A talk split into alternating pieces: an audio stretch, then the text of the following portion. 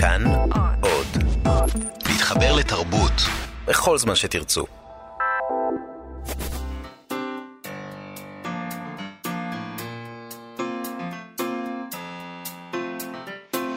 מה שכרוך עם יובל אביבי ומה יעשה לה.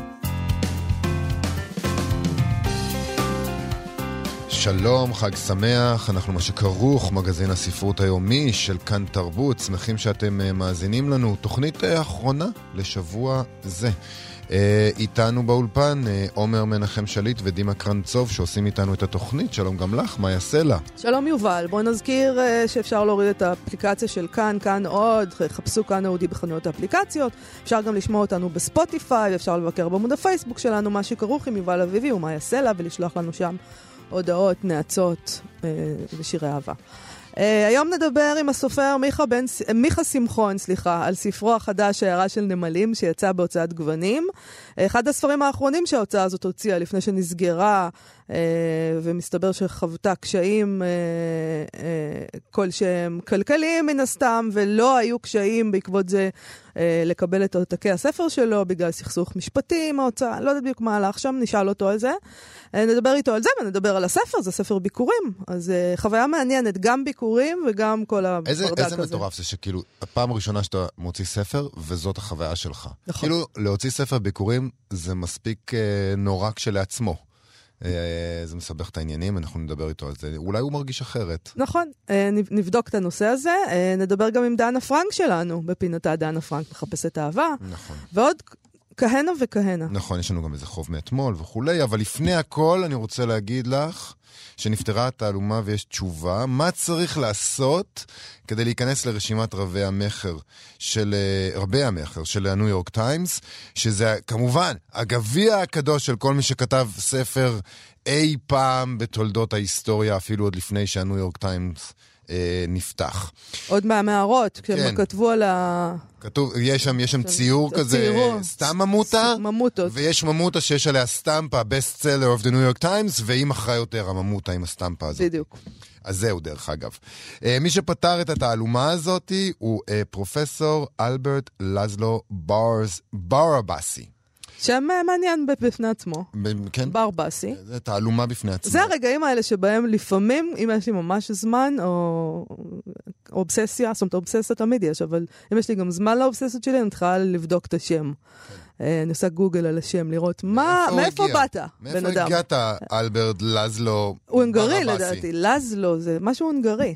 אולי. אה, יש פה הרבה אפוסטרופים מעל אה, אותיות הניקוד. יכול להיות שהוא הונגרי פשוט. תשמעי, לא רק שהוא הונגרי, הוא גם חוקר רשתות, שזה כשלעצמו אה, דבר מעניין. הוא כתב לאתר The Conversation מאמר שכותרתו מה big data יכול ללמד אותנו על הדרך שבה ספר יכול להפוך לרב-מכר. big data זה ניתוח של בסיסי נתונים מאוד מאוד גדולים, ומה שהוא עשה משום מה, אלוהים יעזור לו, זה לבחון את נתוני המכירות של 2,468 כותרי הפרוזה ו-2,025 כותרי העיון שהגיעו לרשימות רבי המכר של הניו יורק טיימס בעשור האחרון. יפה. צר... אני דווקא גם הייתי עושה את זה, כן. אם היה לי זמן ויכולת, ברור. זה מאוד מעניין, זה, אנחנו אנשים שזה מעניין אותם. צריך לציין שהם עסקו שם, אה, הוא עסק שם בכריכות קשות, ספרים שיצאו בכריכה קשה, אה, שבארצות הברית זה עניין עקרוני, אולי בכריכות אה, רכות הנתונים היו מעט שונים, כי הן נתפסות כמשהו יותר עממי ופופולרי, זול, זה ספרים יותר זולים וכולי, לא משנה. בכל אופן, הדבר הראשון שהוא בחן היו ספרי עיון בתחום המדע. הוא גילה שהם רק 1.1 אחוזים מהספרים שהגיעו בכלל לרשימה. מדע. אז אם רוצים להגיע לרשימת uh, רבי המכר של ספרי העיון, uh, אל תכתוב מדע, תכתוב ביוגרפיות, ממוארים, uh, שהם חצי מהכותרים שהגיעו לרשימה הזאת. זה לא מפתיע אותנו, נכון? אוטו פיקשן. אוטו פיקשן, בדיוק. זה הסיפור היום. the מי מי מי מי מי מי מי. כן, מיני מי. אנחנו התעניינו בפרוזה יותר. מה שמעניין אצלו במחקר זה מיעוט הספרים שבכלל מגיעים לרשימה הזאת כשהם נתפסים כספרות יפה. רק 800 אה, ספרים כאלה בעשור האחרון, במדינה שבה מתפרסמים 100 אלף ספרים חדשים מדי שנה. הרוב המוחלט של הכותרים שהגיעו לרשימת רבי המכר של הניו יורק טיימס שייכים לז'אנר, לשני ז'אנרים עיקריים, מתח ורומן רומנטי. 67 אחוזים. אגב, זה, זה באמת מפתיע? לא. מה מפתיע בזה? לא ברור מפתיע. שג'יימס פטרסון אה, מוכר אה, יותר מ... אתה יודע. מעניין שהזכרת את ג'יימס פטרסון, אה, כי מה שעוד מופיע במחקר הזה הוא כן. ש-85, קשה בכלל להיות בן אדם שמגיע פעם ראשונה לרשימה הזאת. 85% מהסופרים שמגיעים ל- לרשימה מגיעים יותר מפעם אחת. ואותו ג'יימס פטרסון חביב, שהספר האחרון שלו כמובן, זה זה שכתב עם, אה, עם קלינטון, נכון. את אה, הנשיא נעדר. יש אותו גם בעברית, אה, נכון. יש אותו בעברית, וזה זה, כמובן היה רב מכר מטורף. הוא, כל ספר שלו כמעט זה רב מכר. הגיע בעשור הזה לרשימת הניו יורק טיימס עם 51 ספרים. בעשור. 51 ספרים. אני מניח שההגדרה של אה, ג'יימס פטרסון לספר קצת שונה תשמע, משלי. אני קראתי בשעתו כתבה על הבחור הזה, על האיש הזה, על כן. הג'נטלמן הזה. ג'נטלמן. אה, אה, הוא מוציא כמה ספרים בשנה. כן, יש לו צוות. יש צוות, הם תיארו את הצוות הזה שיושב, שכל אחד מהם הוא מקבל איזה, קווים אה, מנחים ממנו על העלילה, ויש אנשים שכותבים, זה כמו תסריטאים בסדרה. נכון. שאז, אנחנו גם דיברנו בתוכנית כן, שלנו. זה לא מה שאנחנו חושבים כשאנחנו חושבים על ספרות. אנחנו דיברנו בתוכנית שלנו על מחקר ביג דאטה אחר, שבו פשוט הכניסו את כל הספרים שלו לתוך תוכנה שבדקה איזה אחוז מהם הוא כתב ואיך אפשר לזהות, וגילו כמה, כמה מכל הספרים שלו הוא כתב, זה לא הרבה. אה, נכון. כן. זה לא... זה מפעל, זה מפעל, לא... אוקיי. כן, מפעל. אז אוקיי. הוא מעצב את זה, ו- ומפעל בסין מייצר 800 אלף. ומה שמקסים זה, זה שאנשים גם קונים את זה, זה מדהים. נכון. אוקיי, דבר נוסף, הוא. מיליארדר לחלוטין. דבר נוסף הוא משך הזמן שבו ספר נשאר ברשימה, זה עוד אחד הנתונים שהוא נותן פה, לזלו. כי ברגע שהספר הגיע לרשימה, מיד uh, יוציאו מהדורה שלו עם הטאג הזה שאתה כל כך מתאר יפה, רב מכר של הניו יורק טיימס, סמפה, תו תקן שמבטיח עוד מכירות, אבל רק 37% מהספרים שהופיעו ברשימה הצליחו להישאר בה יותר מארבעה שבועות. הרוב המכריע נפלט אחרי שבוע, אחד בודד. Uh, בכלל, יש תפיסה מוטעית, uh, ואפשר להבין למה אנחנו טועים לחשוב ככה, שצריך למכור הרבה עותקים כדי להגיע לרשימת רבי המכר. בארץ אנחנו כבר יודעים שזה לא נכון. Uh, אנחנו תמיד חושבים שבניו יורק טיימס זה כן נכון, זה, זה המשמעות של זה. למעשה רוב הכל הספרים... יותר טוב בארצות הברית. כי, לא, יש שם יותר אנשים, פשוט, זה לא שהם יותר, אה, שיותר טוב שם. למען האמת, אה, זה לא המקום שאני חושבת עליו כעל מקום טוב, כשאני חושבת על מקומות טובים. אני לא מתלהבת מהם כל כך, אבל רוב הספרים שמגיעים לרשימת רבי המכר מוכרים שם. אה, נמכרים בין עשרת אלפים למאה אלף עותקים, שזה כמובן הרבה יותר ממה שקורה פה, וזה נחמד, זה נשמע נחמד, אבל זה לא מדהים באומה של 300 מיליון איש. נכון. פרופורציונלית זה לא כל כך הרבה. והיה שם גם ספר אחד שהגיע לרשימה, למשל עם מכירות של 5,000 עותקים בלבד, שזה כבר, ממש נתונים ישראלים. נכון. אה, זה זה באמת רב מכר ישראלי, 5,000 עותקים. לא, אבל השאלה אם הוא מדבר פה על אה, 5,000 עותקים בשבוע, או 5,000 עותקים... מה? כאילו, זה אמור להיות שבועי כדי להיכנס. אז זהו, הוא מדבר, אז זה אחד, זה מעניין גם שאת מזכירה את זה, כי הסיבה ל- אה, לכמה אתה מוכר ואיך אתה מוכר, אה, והאם כן או לא תיכנס ל- ל- בזכות המכירות האלה ל- לרשימה, קשורה לתזמון שבו הספר יוצא אה, לשוק. הם מצאו שהמכירות של הספרים בקטגוריית הפרוזה מתרחשות בתקופה של, בשבועיים הראשונים, או, או, או לכל היותר עד השישה שבועות הראשונים שהוא יצא לשוק. אז נמכרת המסה של, ה, של הספרים מכל ספר. ב, אמ, בעיון יש קצת יותר אורך נשימה, 15 שבועות יש לספר עיון. קיצור, ספרים הם אה, נולדים ומתים די מהר. מאוד מהר, קוטג' בגדול. יש להם חיי מדף של קוטג'. כן. אה, הם טוענים גם, דרך אגב, ב- הם- לפי המחקר שלהם, לא טוענים, יש להם נתונים. התפיסה הרומנטית הזאת היא שיש ספרים שפשוט לוקח להם זמן. ולאט לאט, אם נשאיר אותם על המדף, אז הקוראים יתגלו אותם. ולאוזן. בדיוק. כן. יקרה איזה משהו, ובסופו של דבר הם ימכרו בלוק מספיק כדי להביא אותם לרבי המכר? לא, שטויות. אין כאלה כמעט. מה שקורה בשבועות הראשונים, זה מה שמכריע אם תיכנס לרשימה או לא, ואחר כך, רוב הסיכויים שאפשר פשוט לגרוס את הספר שלך, לא יקרה איתו כלום. אוקיי, אה, וזו המסקנה העיקרית של המחקר, הדרך להיכנס לרשימת רבי המכר תלויה בעיקר בזמן בשנה שבו הספר יצא לאור. בפברואר או מרץ, עונת המלפפונים של הספרות האמריקנית, כמה אלפי עותקים יכולים להביא אותך לשם. אוקיי? אז כדאי להוציא בפברואר או מרץ. Uh, בדצמבר זו עונת השיא, גם עשרת אלפים עותקים ככל הנראה לא יכניסו אותך. אז זה, זה חשוב זה לדעת. נכון, מצד שני, אתה רוצה לצאת בדצמבר, כי אז קונים ספרים, זה טריקי מאוד. כן, אבל למה שיקנו את שלך בתוך כל הספרים? אלא אם כן אתה שם מאוד... ג'יימס פטרסון. כן, אז... זה- תמתין. אגב, גם בארץ תמיד מתלבטים. נכון. אני שומעת הרבה פעמים שאומרים, רגע, להוציא לשבוע הספר או לא להוציא לשבוע הספר? לספטמבר המון מוציאים לא? בשבוע הספר. למה שאני אוציא בשבוע הספר, או להוציא לחגים או לא? נכון. אה, אם אתה לא אדגר קרת וכל מיני יוכי נכון. ברנדס, אז תחכה. נכון, ויש את החגים, את ספטמבר, ואז אה, הרבה פעמים אתה מוציא ככה, מוציאים ספרים בנובמבר-דצמבר, שזה עונה מתה יחסית בישראל, ואז יכול להיות שאם אתה מוכר בישראל גם 70 עותקים, פתאום תצוץ לעצמך. ברשימות של ה- ברשימות של העצמאיות. זה בוודאי כך. נכון. זה- שזה סוג של fake news, קצת עובדים עלינו, בוא נודה בזה. לגמרי, לגמרי, זה דבר מדהים, אבל אתה, את, תשמעי, רבי מכר זה כמובן דבר יחסי. זה הכל ביחס, כאילו, כשיש לך ספ, ספרים שנמכרים בשישה עותקים, אז עשרים עותקים זה רב מכר.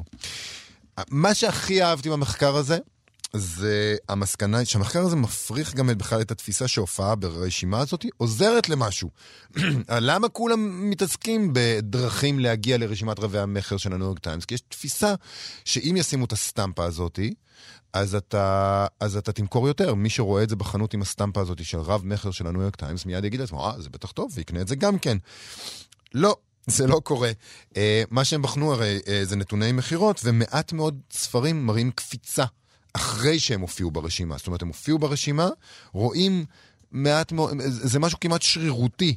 אה, הדבר הזה, אה, רואים קפיצה, וכשרואים קפיצה, היא נמשכת שבוע-שבועיים. וזהו, זה האפקט של זה. אז בכלל לא צריך לרצות להיכנס לזה. תשמע, הנתונים האלה די משונים בעיניי, הם, הם, הם מנפצים את כל המיתוס סביב הרשימה הזאת של הניו יורק טיימס, שמסתבר שגם היא פייק ניוז, ועדיין אני בטוחה שיש פה איזה פקטור אחד שלא דיברנו עליו, שקוראים לו אגו.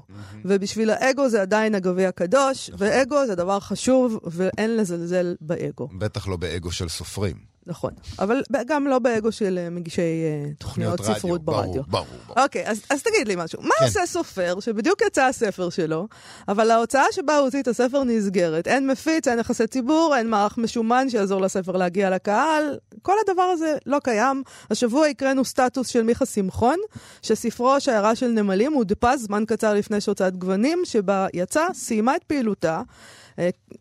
קרסה, לפי מה שאומרים, כן. אה, כן, אה, עם בעיות כלכליות. אה, אנחנו חשבנו שזאת הזדמנות אה, מצוינת לדבר עם מיכה שמחון, לא רק על הוצאת גוונים, אלא גם בכלל על הספר שלו.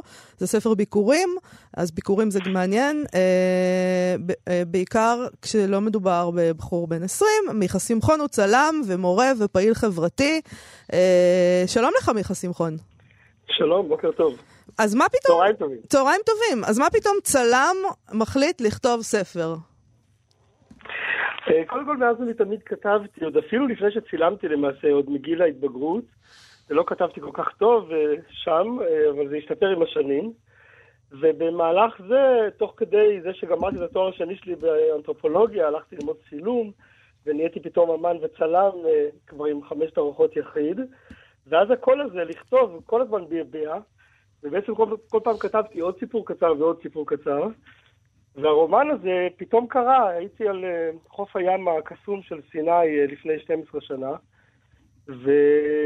והייתי בטוח שאני הולך לכתוב עוד סיפור קצר, ו... ולאט לאט הסיפור גדל, אמרתי אולי נובלה. מה, זה התחיל מהנמלים? שהסתכלת על נמלים שם? אני אגיד שהספר, אה, כן. יש פה שני ילדים שמסתכלים על נמלים. נכון, שיירה של נמלים בעצם, הרומן שלי נפתח ב... בסצנה של שני ילדים ששמים פשוט מכשולים בדרך של שיירה של נמלים. נכון. ורואים איך שהנמלים האלה, למעשה, הן מצליחות איכשהו להתגבר על המכשולים האלה, מטפסות מעל, עוקפות מסביב, מימין ומשמאל, ובלבד בסוף להגיע למטרה שלהן. זאת אומרת, יש בסוף איזשהו trail, איזשהו אה, אה, נתיב שהן צריכות להגיע דרכו אל המטרה. אז רגע, אתה כותב את הספר הזה בעצם כבר 12 שנים? כן, תראה, בזמן הזה נולדו לי שני ילדים, שזה בהחלט אה, אה, גרם לעיכובים מרובים בכתיבת הספר. הם, הם מפריעים, ללא ספק. אה, תראה, הם, הם הדברים הכי מדהימים שקרו לי בחיים. לקחתי שתי חופשות לידה בשביל לטפל בהם. אני מאוד אה, לא מתחרט על דקה, אבל אין ספק שזה האט מאוד את הקצב של הכתיבה. ואז אה, גם אפילו היו איזה שנתיים או שלוש שלא כתבתי כלום, וכשנולדה הבת השנייה שלי כבר היה יותר מדי עומס. ואז פשוט חזרתי לכתוב וגמרתי את הרומן. וזהו, ובעצם מאז מתחיל, מתחיל איזה מסע תלאות של אה, אה, לשלוח את הספר להוצאות ולקבל דחיות, וגם זה לקח זמן, וזה גם היה די מעציב, ובאופן כללי לא נעים לקבל דחייה. כתבת בסטטוס שלך שמדובר על, אה, וזה אולי לסופרים אחרים שנאבקים, בסוף זה קורה, ארבע, ארבעה? ארבעה עשר, ארבעה עשר זה מכתבי דחייה? ארבעה עשר, כן, נכון. ארבעה עשר דחיות, שתראי, אני, תראה, אני ב... ב במועדון מאוד uh, טוב, uh, אבל uh, יש כאלה שעקפו אותי כזכור, אבל... ובסוף עדיין יהיו להיטים עולמיים. אבל יש בזה לא משהו די מייאש, כי אתה יודע, בכל מקרה, נגיד עכשיו הוצאת את הספר, אז בסדר, אז מה? אז, אז גם, תראה מה, מה יקרה, אז תמכור, קצת. כי השוק פה הוא לא, זאת אומרת, זה שווה את המאמץ? זה מה שאני מנסה לשאול. את יודעת, אני חושב שזו שאלה נהדרת, אבל אני חושב שליוצרים אין באמת את היכולת אה, אה, הרגשית אה, להפסיק ליצור. זאת אומרת, יוצר צריך ליצור, הוא לא יכול בלי ליצור, הוא לא יכול לכלות את החיים שלו בעבודה רגילה שאין ביצירה. אני חייב לצלם, אני חייב לכתוב, תמיד כתבתי, צילמתי מגיל 20 ומשהו. זאת אומרת, אני לא יכול לא, אין לי, אין לי את היכולת הזאת. אני מסתכל על, על הילדים שלי, וגם אצלם אין את היכולת הזאת לא, לא ליצור. זה צורך. עכשיו, אם הוא כלכלי או לא כלכלי, אני חושב שהיו תקופות כלכליות יותר, אבל זה אף פעם לא היה פשוט. פשוט פעם היו פטרונים של האומנות, והם באמת איכשהו אה, החזיקו, אה, אה, ולגוך, אה, אח שלו החזיק אותו, והיו כמובן, אתם יודעים, אה, אנשים מאוד עשירים, אצילים שהחזיקו כל מיני... איפה הם? באמת, אני תמיד שואלת, איפה הפטרונים? אה, אנחנו בעידן קצת ספרטני, את יודעת, אתונה קצת, איך להגיד, התפוגגה לנו באופק. עכשיו אה, מה שמחזיקים זה תקציבי... אה, אה, ירי. אוקיי. אה, אה, זה מה שקורה. כן. מיכה, אני רוצה לשאול על הספר. גיבורה, כן. יש בספר הזה גיבורה שקוראים לה מורן. והוא כתוב מנקודת המבט שלה, של, של אישה, אתה כותב מנקודת מבט של אישה, שזה היום, בוא נגיד, מבחינת התקינות הפוליטית זה לא מאוד מאוד תקין. מסוכן, מסוכן מאוד. וזה די מסוכן. אז תסבירי למה בחרת בכך. קודם כל זה מעניין, אני ידעתי על חוף הים בסיני כשהתחלתי לבחור מי יהיו הדמויות שלי, הלוא יש שם שני ילדים בסצנת פתיחה, ו... ולא ידעתי אם הילד יהיה הגיבור שלי או הילדה, ואני החלטתי שזאת אה, תהיה הילדה, כי נמאס לי מזה שרוב הגיבורים של הספרות הם גברים. תמיד אה, הספרות נכתבת מזווית הראייה של איזה גבר אשכנזי, ווסטי, לא משנה מה, לבן בכל מקרה, והוא בעצם מספר את זה, ואם כבר סוף סוף יש שם אנשים שהם הם לא בהגמוניה, אז הם כמובן אה, מסכנים, ואנחנו אומרים לחוש עליהם צער ולא להזדהות איתם. כן. אז אני החלטתי שזאת תהיה אישה, ושהיא תהיה מזרחית, ושהיא תהיה במקום מהפריפריה, מעיירת פיתוח, לא ידועה בכוונה, זאת אומרת, זה בכוונה לא קריית שמונה, כן. זה בכוונה שלומי. אה, ש... ובעצם בכוונה בחרתי את הבחירות האלה של, ה... של השביל הזה שפחות הולכים בו אולי, אה, על הפרוסט, אה, כי רציתי שזה לא יהיה הגיבור, הגיבור הטריוויאלי. היה נראה לי נכון לעשות את זה מהעיניים שלה. עכשיו זה צד אחד. הצד השני הוא זה שלי יש צד נשי שאני מאוד אוהב, מחובר אליו לעומק. לקחתי, כמו שאמרתי קודם, שתי חופשות לידה לשני ילדיי. אני uh, מטפל בהם, קם בלי... קמתי בלילה, אכלתי אותם בבקבוק, עשיתי כל מה שצריך לעשות, חיתלתי, חיבסתי והכול, וגם עשיתי אוכל. זאת אומרת, אין לי איזה מקום כזה שבו אני אומר, יש, הפרד... יש חלוקת תפקידים מגדרית, זה מה שאישה עושה, זה מה שגבר. מבחינתי, גם האישה וגם הגבר חיים היטב בתוכי, ואני לא משאיר את זה לאשתי. ובמובן הזה, לכתוב צד, לכתוב גיבורה נשית, הגיע לי ממקום טבעי. דבר שני, אני חושב שאני, כמו שאמרת, צעיר אני כבר לא, אז אני חי מספיק בעולם בשביל שאני אכיר מספיק נשים. רוב החברות שלי הם בסופו של דבר נשים, וגם לחברים שלי יצד אה, נשי מאוד חזק, לבנים שביניהם, ו, ובמובן הזה אני חושב שאני אני מכיר את, ה, את, ה, את, הנש, את הנשים ש, שבחיי מאוד לעומק בשביל להיות מספיק בטוח בתחושה שאני מתאר את, ה, את ההוויה שלהם. אבל גם לא שמחתי רק על זה, ובסופו של דבר גם אה, אשתי קראה, וגם... אה, שהיא משוררת, סיגלית בנאי. משוררת סיגלית בנאי, נכון. גם היא קראה, גם אימא שלי קראה, גם אה, עוד הרבה נשים, כמו שאמרתי, חברות, חברות אני... בחיי, קראו, ו... והם אמרו שזה נשמע להם כמו, כמו, כמו נשים שמכירות, או שחלק מהם זה ממש נשמע להם כמו אסמן. אני לא אסגיר. אז, אז עברת מבחן הזה, אני רוצה לשאול אותך, אתה כותב על אישה מזרחית, כפי שאתה אמרת, משכילה. והמזרחית נכון. המשכילה הזאת, למשל, מנתקת את היחסים שלה עם החברה הכי טובה שלה אה, מהעיר שבה היא גדלה, כי זה לא מתאים לה יותר ברגע שהיא יוצאת. שבע, כן. אה, אז, אז אני רוצה לשאול אותך, האם אתה חושב שזאת חוויה שיש להרבה, ל, ל, להרבה מזרחים משכילים, החוויה הזאת שאתה כותב, החוויה הזאת של מורן? אני כן. חושב שמזרחים משכילים חיים אה, בכלל אני חושב שאנשים שמגיעים מרקע לא מסכים, זה לא נראה לי שזה קשור רק למזרחים, אני בטוח שגם אה, בקבוצות אה, מוחלשות אחרות ברחבי העולם הדבר דומה. כי בסופו של דבר אתה נמצא, הלב שלך נשאר איפשהו במקום שממנו הגעת, זה לא משנה אם זה המעברה, השיקול, הגטו, לא משנה מה, או, או, או, או שכונת המהגרים.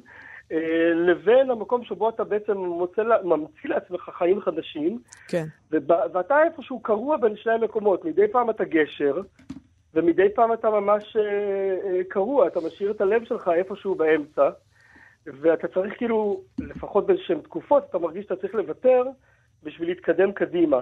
ואז מגיע השלב שבו פתאום הולכים אחורה ומסתכלים את מי השארתי מאחור.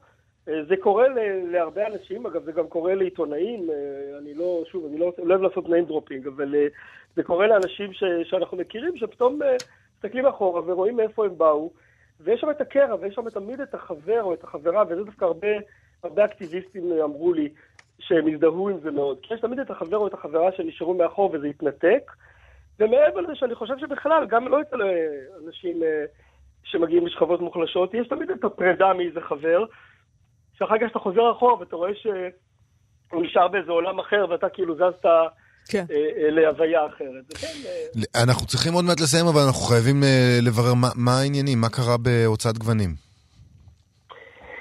תראו, זה מסתבר, אני לא יודע בדיוק באיזה שלב של חתימות החוזים זה קרה, אבל מתישהו החברה הזאת הפכה להיות חדלת פירעון, והבנק כנראה, והבנקים, והמחסן ספרים, וכל ה... מי, ש... מי שעבדו איתו בעצם היו חייבים לו כספים. ובאיזשהו שלב המחסן עצר את uh, הפצת הספר. את זה אני יודע, כי זה קרה כבר לפני חודשיים. וכל הזמן אמרו לי, אה, יש איזה בעיות עם המחסן, אנחנו נמצא מחסן חדש ונמשיך להפיץ, הכל בסדר, לא לדאוג. ועובדים על זה עכשיו והכל. ואז פתאום, אה, אה, יומיים לפני ההשקה שלי במגדלור, הגעתי לדלת של, אה, של גוונים, והיא הייתה סגורה, ואז הסתבר לי שיום לפני זה היא נסגרה לגמרי, אה, והיא עכשיו בתהליכי פירוק. ובעצם הספרים שלך היו תקועים במחסן. הם היו תקועים במחסן וצריך לשלם עוד כסף בשביל לחלץ אותם משם. אה, כדי שהם יהיו אצלי, כי כל מה שחסר לזה שהם יהיו תקועים במחסן, וגם יש את כל סיפור הזכויות, את הסיפור של מה שהיינו אמורים לקבל, שזה באמת שיווק והפצה. אה, ובעצם יש יוצא מצב שעכשיו הספר שלי בשוק, קראו אותו, 100, 170 אנשים תמכו בי באדסטארט וקראו אותו ומאוד התרגשו ממנו ואמרו שזה ספר מאוד מרגש ושאי אפשר לעזוב, להוריד אותו מהידיים. ואז אה, אני, לא- הם רוצים להמליץ על זה לחברים שלהם שיקנו את הספר, ויש בעיית הפצה, ובעצם אז איפה נכון באמת להיום, קונים את הספר? בדיוק, נכון להיום אפשר לה, להשיג את הספר אה, בחנות מגדלור אה, בתל אביב, בלוונטין אחד, פינת אלנבי. אפשר גם פיזית, אבל אפשר גם דרך האינטרנט להזמין את זה, וזה יגיע עד הבית בתוספת דמי משלוח. אני חייב להגיד שהחנות מוכרת את זה במחיר מוזל, ככה שזאת יוצאת עסקה טובה. אופציה אחרת זה ליצור איתי קשר דרך הפייסבוק ולתאם איתי את הדבר הזה, זאת גם אפשרות. ואני מנסה לעבוד על דרכים אחרות אה, אה, להפיץ את הספר, או דרך מפיץ פרטי, או אולי... אה, תגיד, מעבר לפרקטיקה שאתה מתאר כאן, כן. להוציא ספר ביקורים זה תחושה, זה, זה, זה אומנם הישג, אבל זה גם נורא נורא קשה, זה כאילו, יש המון ציפיות, ואכזבות, ואתה לא יודע מה יהיה, וחוסר ודאות, ופחד וכולי. איך מרגיש להיתקע עם, עם, עם הדבר הזה גם בספר הביקורים שלך? תשמע, אני אגיד לך את האמת, כל כך הייתי מאושר כשהאדסטארט נגמר, וכשהתחלתי לשלוח לאנשים את הספרים, ואנשים כתבו לי תגובות, ו, וזה היה ממש מרגש. ואז פתאום זה הגיע, וזה היה באמת מאי גרמה לבירה עמיקתא, אני פשוט צנחתי, והיה שבוע שהייתי באמת מאוד מאוד uh, מדוכא מזה. ואחר כך הבנתי שאין הרבה ברירה, אני צריך לקום, ולהתחיל אה, להמשיך אה, לגרום לספר לזוז בעולם, שזה אומר לחפש לו הוצאה אחרת אולי שתשווה, שתפיץ אותו, או מפיץ פרטי, או כל דרך אחרת, כי אני לא מוכן שהספר הזה ייגנז. אה, הספר הזה, אני חושב שהוא יפגוש כמה שיותר קוראים, במטרה שלי, כאילו, כי אני חושב שיוצר לא רוצה ליצור לעצמו, הוא לא בוואקום של המגירה, הוא רוצה ליצור לעולם. רוצה להגיד משהו ולהשאיר סימן. ואני, ואני אדאג שהספר הזה ישאיר את הסימן שלו, ועל זה אני עובד עכשיו. מיכה הזמן של שמחון, הזיכרון עבר. מיכה שמחון, שיירה של נמלים, אה, ספרך הראשון, תודה רבה לך על השיחה. ובהצלחה. בהצלחה. תודה רבה לכם. להתראות. תודה רבה. ביי. ביי. אה, שלום אה, לדנה פרנק שלנו, שגם השבוע חיפשה אהבה בספרות. שלום. מצאת? אה, מצאתי. יופי. זה מאוד נחמד. מה, למצוא? למצוא אהבה, כן, ברור. תראי לנו על זה. אני לא יודעת. הקנדידט שלך היום הוא... קצת פחות. הוא כן. לא בעייתי יודע אם מאוד. זו הזוגיות שחלמת עליה. לא, לא מהרומנטי ביותר. אז באמת היום נדבר על פול צלן.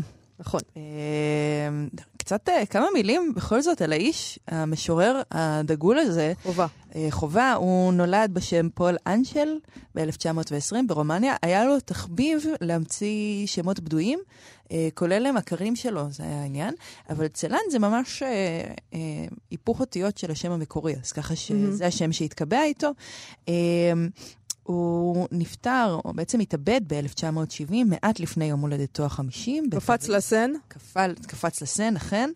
אה, הוא שלט בהמון שפות, בין היתר בעברית, באנגלית, בגרמנית וברומנית. הוא היה קורא נלהב, הוא היה איש תרבות מאוד נלהב, והיה לו קשרים עם יוצרים בכל השפות האלה, וככה ההשפעה שלו בעצם הגיעה מאוד מאוד רחוק. אה, בין היתר היה לו מערכת יחסים מאוד מאוד קרובה עם יהודה עמיחי שלנו, אה, ועמיחי אפילו כתב שיר על התאבדותו, שהוא שיר מאוד מרגש. אה, אבל הוא, אם אנחנו מחפשים בעצם מאיפה, ממה הוא פול צלן, אז אפשר להגיד שהוא מושפע מאוד מהסוריאליזם, שהיה הזרם המרכזי ברומניה, אה, מולדתו, בשנות, התבג... בשנות התבגרותו, אבל באמת, יש בו משהו מאוד מאוד ייחודי. יש איזו כתיבה כן. צלנית שאפשר לזהות את העקבות שלה במקומות אחרים, אבל קשה להבין, קשה לגמרי לפרק את מקורותיה. אה, הוא ניצול שואה, צריך לומר, ההורים שלו נרצחו במחנות, הוא עצמו חי בגטו אה, ועבד בעבודות פרך. ההתמודדות עם הזוועות לוקחת אמנם חלק מרכזי ביצירה שלו שאחרי המלחמה, אבל הוא לא רצה להיות משורר שואה במרכאות כפולות. אה, לאחר המלחמה הוא התמודד עם דיכאון במשך הרבה שנים, כולל עם אשפוזים. וידידו המשורר אמיל צ'ורן אמר עליו את המשפט קורע הלב, צלן, צלן אינו אדם, בשר ודם, הוא פצע המדמם ללא הפסק. כואב. כן. מאוד. נורא לא, זה גם ואיום. נוכח ביצירה שלו, היא מאוד מאוד. אניגמטית. אני חושב שאולי בגלל זה, בגלל, בגלל האניגמטיות, Mm. הוא גם מאוד מאוד אהוב באקדמיה. יש תילי תילים של פרשנויות, והפצע וכולי, זה שם. הוא אדם שמאוד מאוד סבל. אין מאוד. אין שום ספק. היה לו. חיים מאוד קשים. כן. אה, ואנחנו נקרא היום שיר אהבה שלו. כן. אה, לשיר קוראים אה, קורונה. נכון. הסתיו אוכל מידיי את הלהו, אנחנו חברים. אנחנו מקלפים את הזמן מתוך האגוזים ומורים לו ללכת. הזמן שב אל פנים הקליפה. במראה יום ראשון, בחלום ישנים, הפה דובר אמת. איני יורדת אל ערוות האהובה. אנחנו מסתכלים זה בזו. אנחנו אומרים לעצמנו דבר סתר. אנחנו אוהבים זה את זו כמו פרג וזיכרון. אנחנו ישנים כמו יין, כמו יין בקונכיות. כמו ים בקרן הדם של ירח. אנחנו עומדים חבוקים בחלון, הם מסתכלים בנו מן הרחוב. הגיע הזמן שידעו. הגיע הזמן שהאבן תאות לפרוח, שלאי שקט יפעם לב. הגיע הזמן שיהיה זמן. יש זמן. אניגמטי. זה נורא יפה. אין ספק שזה מאוד אניגמטי. באמת? אה, זה דווקא שיר מאוד ברור, משיריו הברורים ביותר לדעתי. שיריו הברורים ביותר. אני, קודם כל, אני, יש פה, יש פה אה, מטאפורות שאתה צריך, אה, שהן לא, מה, אה, אנחנו ישנים כמו יין בקונכיות, זו מטאפורה שאתה צריך לעצור על רגע, מה, מה זה אומר? מה זה יין בקונכיות? אוקיי. יש כאן גם מטאפורה על גבי מטאפורה על גבי מטאפורה. כן. אה, קרן הדם של הירח. אתה אומר לעצמך, אה, מה? עניין, אנחנו בעצם זה קרן אור שהיא הופכת לדם, או... אבל זה באמת מאוד מאוד מורכב, כי אנחנו רגילים לפענח יצירות ספרות או דרך המבנה, או דרך הנרטיב, או בעזרת הזדהות עם דמות, אני חושבת שזה הדרכים המובילות. אה, וכאן יש לנו פשוט רצף של דימויים שקורא אלינו לקרוא אותו כמו אה, יצירת אומנות. ממש אה, כמו שאנחנו מסתכלים בתמונה מופשטת או סוריאליסטית באמת, ואנחנו מנסים לפענח מה מכלול הדימויים הזה מצית לנו בצורה כמעט אסוציאטיבית. אה, צלן באמת מדבר על היצירה שלו בתור שירה, בבק... בתור מכתב בבקבוק, אה, שמגיעה לפעמים לקורא שיודע לפענח אותה, ולפעמים לקורא שלא יודע לפענח אותה. אבל באמת, אם אנחנו מנסים למצוא איזה דרך אה, גישה לשיר הזה, אני חושבת שנכון לקרוא אותו דרך אה, שביל אחד שנמצא בו, שהוא שביל הזמן והדימויים של הזמן. כן. אוקיי. ברשותכם. כן. בבקשה. קודם כל, שם השיר קורונה, אה, המאזינים שלנו לא יודעים את זה, אבל הוא מופיע באותיות אנגליות, שזה נכון. חריג ב- בספרות אה, שמתורגמת לעברית, וכמובן הוא לא מתייחס למותג הבירה, אלא למילה הלטינית שהושאלה לאנגלית, שמשמעותה עטרה או הילה, וזה גם מושג בוטני, שמתאר את החלק הבולט, למשל שיש בנרקיס, במרכז שלו, כן. אה, וכאן אנחנו בעצם יכולים להתייחס לזה בהשאלה בתור איזה קפסולה שמגינה על האוהבים. מפני העולם. ואז אפשר לתת איזה מצב שבו אנחנו מסתכלים מתוך איזושהי באמת קונכייה, או איזשהו אה, בועה, החוצה. מהמם. עכשיו, הפתיחה של השיר אה, היא קצת כמו בהייקו בתיאור השנה. העונה של, נכון. בשנה. הסתיו אוכל מידיי את עלהו, הדובר כאילו מנסה להיאחז בקיץ, אבל הסתיו מתגנב עליו, הוא מכריח אותו להשתנות, לא, לא בכפייה, אלא מתוך ידידות, אנחנו חברים, אומר הדובר. אז הוא מתאר בשורה הבאה את האגוזים שהם אוכלים, האגוזים מתכלים עם האכילה, רואים עליהם את הזמן, והנאבים מבקשים מהזמן ללכת. לעזוב אותם, להתרחק מהם, אולי להשאיר אותם במקום שבו האהבה מתקיימת אה, הרחק משיני הזמן, שכידוע מביא עמו את הקורוזיה, את החלודה של הזוגיות, השגרה. אני חשבתי שהסתיו והוא מקלפים ביחד את הזמן מתוך האגוזים, כי הם חברים, אבל... כי הם חברים. כן. זה מעניין, אני לא ראיתי את זה ככה. אני חשבתי שהצד השני הוא נעלם. Mm. אוי, מעניין מאוד. כן, כאילו הסתיו מתפתה לבוא אליו. כן, והם, והם ביחד. מקלפים, הם, לקלף את הזמן מתוך האגוזים זה להוציא את הדבר בעל הערך מתוך הקליפה, אבל, כן. אז, אבל הזמן הוא מין דבר כזה מחזורי, אז הוא כל הזמן חוזר פנימה, הדבר בעל הערך, אתה מוציא אותו והוא נכנס, וזה הזמן עושה ביחד, עונות השנה עושות ביחד איתך. זאת אומרת, גם אחרי שאתה, אה, אתה או הסתיו או הדובר אה, מוזן מתוך האגוזים, מתוך בשר האגוז, הקליפה עדיין משמרת בתוכה את הזמן. כן. את החוויה, את, את הזיכרון אולי של החוויה, וזה מאוד מעניין כי זה גם אחר כך אה, אנחנו רואים במראה יום ראשון, בחלום ישנים, הפה דובר אמת. זה, זה דרך אגב שלוש שורות שבעיניי מאוד נשמעות כמו עמיחי באיזושהי צורה. כן, אני רואה את זה. אתם רואים את זה? כן. אבל זה, אנחנו, אם אנחנו חוזרים למקום הזה, לפרשנות שלי, של בין הזמן לאהבה, אז אנחנו מסתכלים פה על יום החופשי שהוא משוחרר משגרה, התודעה משותקת, היא לא ערה, ההגנות יורדות, ועדיין מה שנשאר לנו זה אמת. זה, זה משהו שהוא מאוד מאוד בסיסי ומאוד נכון. ואז צלן בעצם בהמשך הבית מפריד את אהובתו ואת עצמו לחלקים, מחלק אותם, מפריד אותם. אה, העין האחת שלו פוגשת את ערוות האהובה, הם מביטים, העין והערווה מביטים ומשוחחים, מאוד סוריאליסטי, והם אוהבים זה את זו כמו פרד וזיכרון. עכשיו, במבט ראשון, מה, מה עניין פרק וזיכרון? זה ממש אולי המטאפורה הכי רחוקה שאפשר... אה, למה? עוגת פרק שאתה מתגעגע אליה, תחשבי על זה. זה מאוד יפה. עוגת. פרק שאת חולמת עליה, לי פשוט במקרה יש כזאת עוגת פרק מילדות, בקונדיטוריה הזאת בהרצליה של אבישי, שכמוה לא אכלתי ואני לא אוכל יותר לעולם, כי אין את זה יותר. כי אין את הטעם הזה יותר. אין את עוגות פרק כאלה, רק תואם, לפעמים כשעוגת פרק מאוד מוצלחת בעיניי, זה כי היא מזכירה לי את ההיא. אז זה הפרק וזיכרון, זה נשמע לי ממש.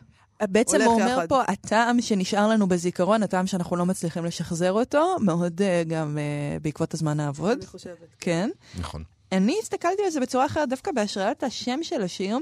חשבתי שאולי הוא מתייחס לפרק, אה, ליחס בין הפרק לבין הפרח, שהוא הפרג. הפרג, שהוא אביו של, אה, אה, של התבלין בעצם.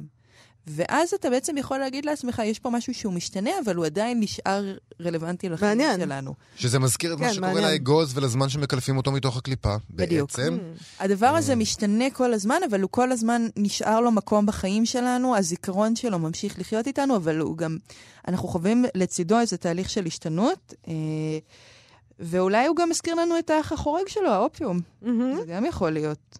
לגמרי. אח אהוב. אח אהוב. אח חורג אהוב. ואז בעצם אם אנחנו ממשיכים מכאן, אנחנו יכולים להגיד אה, שהדובר בשיר מקבל השראה מהפרק, או מהאגוזים, לשינוי שהוא יכול לעבור בתוך האהבה שלו. ואומר, אנחנו עומדים חבוקים בחלון, הם מסתכלים בנו מן הרחוב, הגיע הזמן שידעו, הגיע הזמן שהאבן תאות לפרוח, שלאי שקט יפעם לב. הגיע הזמן שיהיה זמן. יש, יש זמן. זמן. וואו. אה, וזה גם כמובן מזכיר לנו שיש זמן ומקום, ל...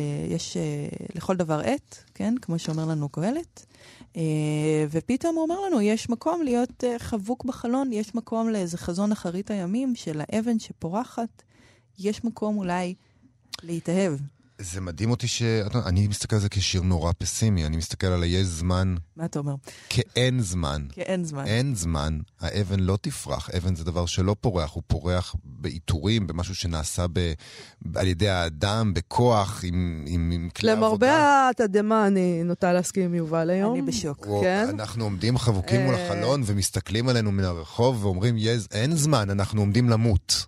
זה מה שעומד לקרות. אני רוצה להזכיר שפול צלן אה, בסוף ימיו אשתו עזבה אותו אה, אחרי שהוא ניסה להרוג אותה פעמיים באיזה התקפי שיגעון. אה, שלאחרי שהיא עזבה אותו הוא גם קפץ לסן והתאבד. כאילו, אהבה זה לא היה שם הצד. אבל לא היה דבר פתור מבחינתו, לא.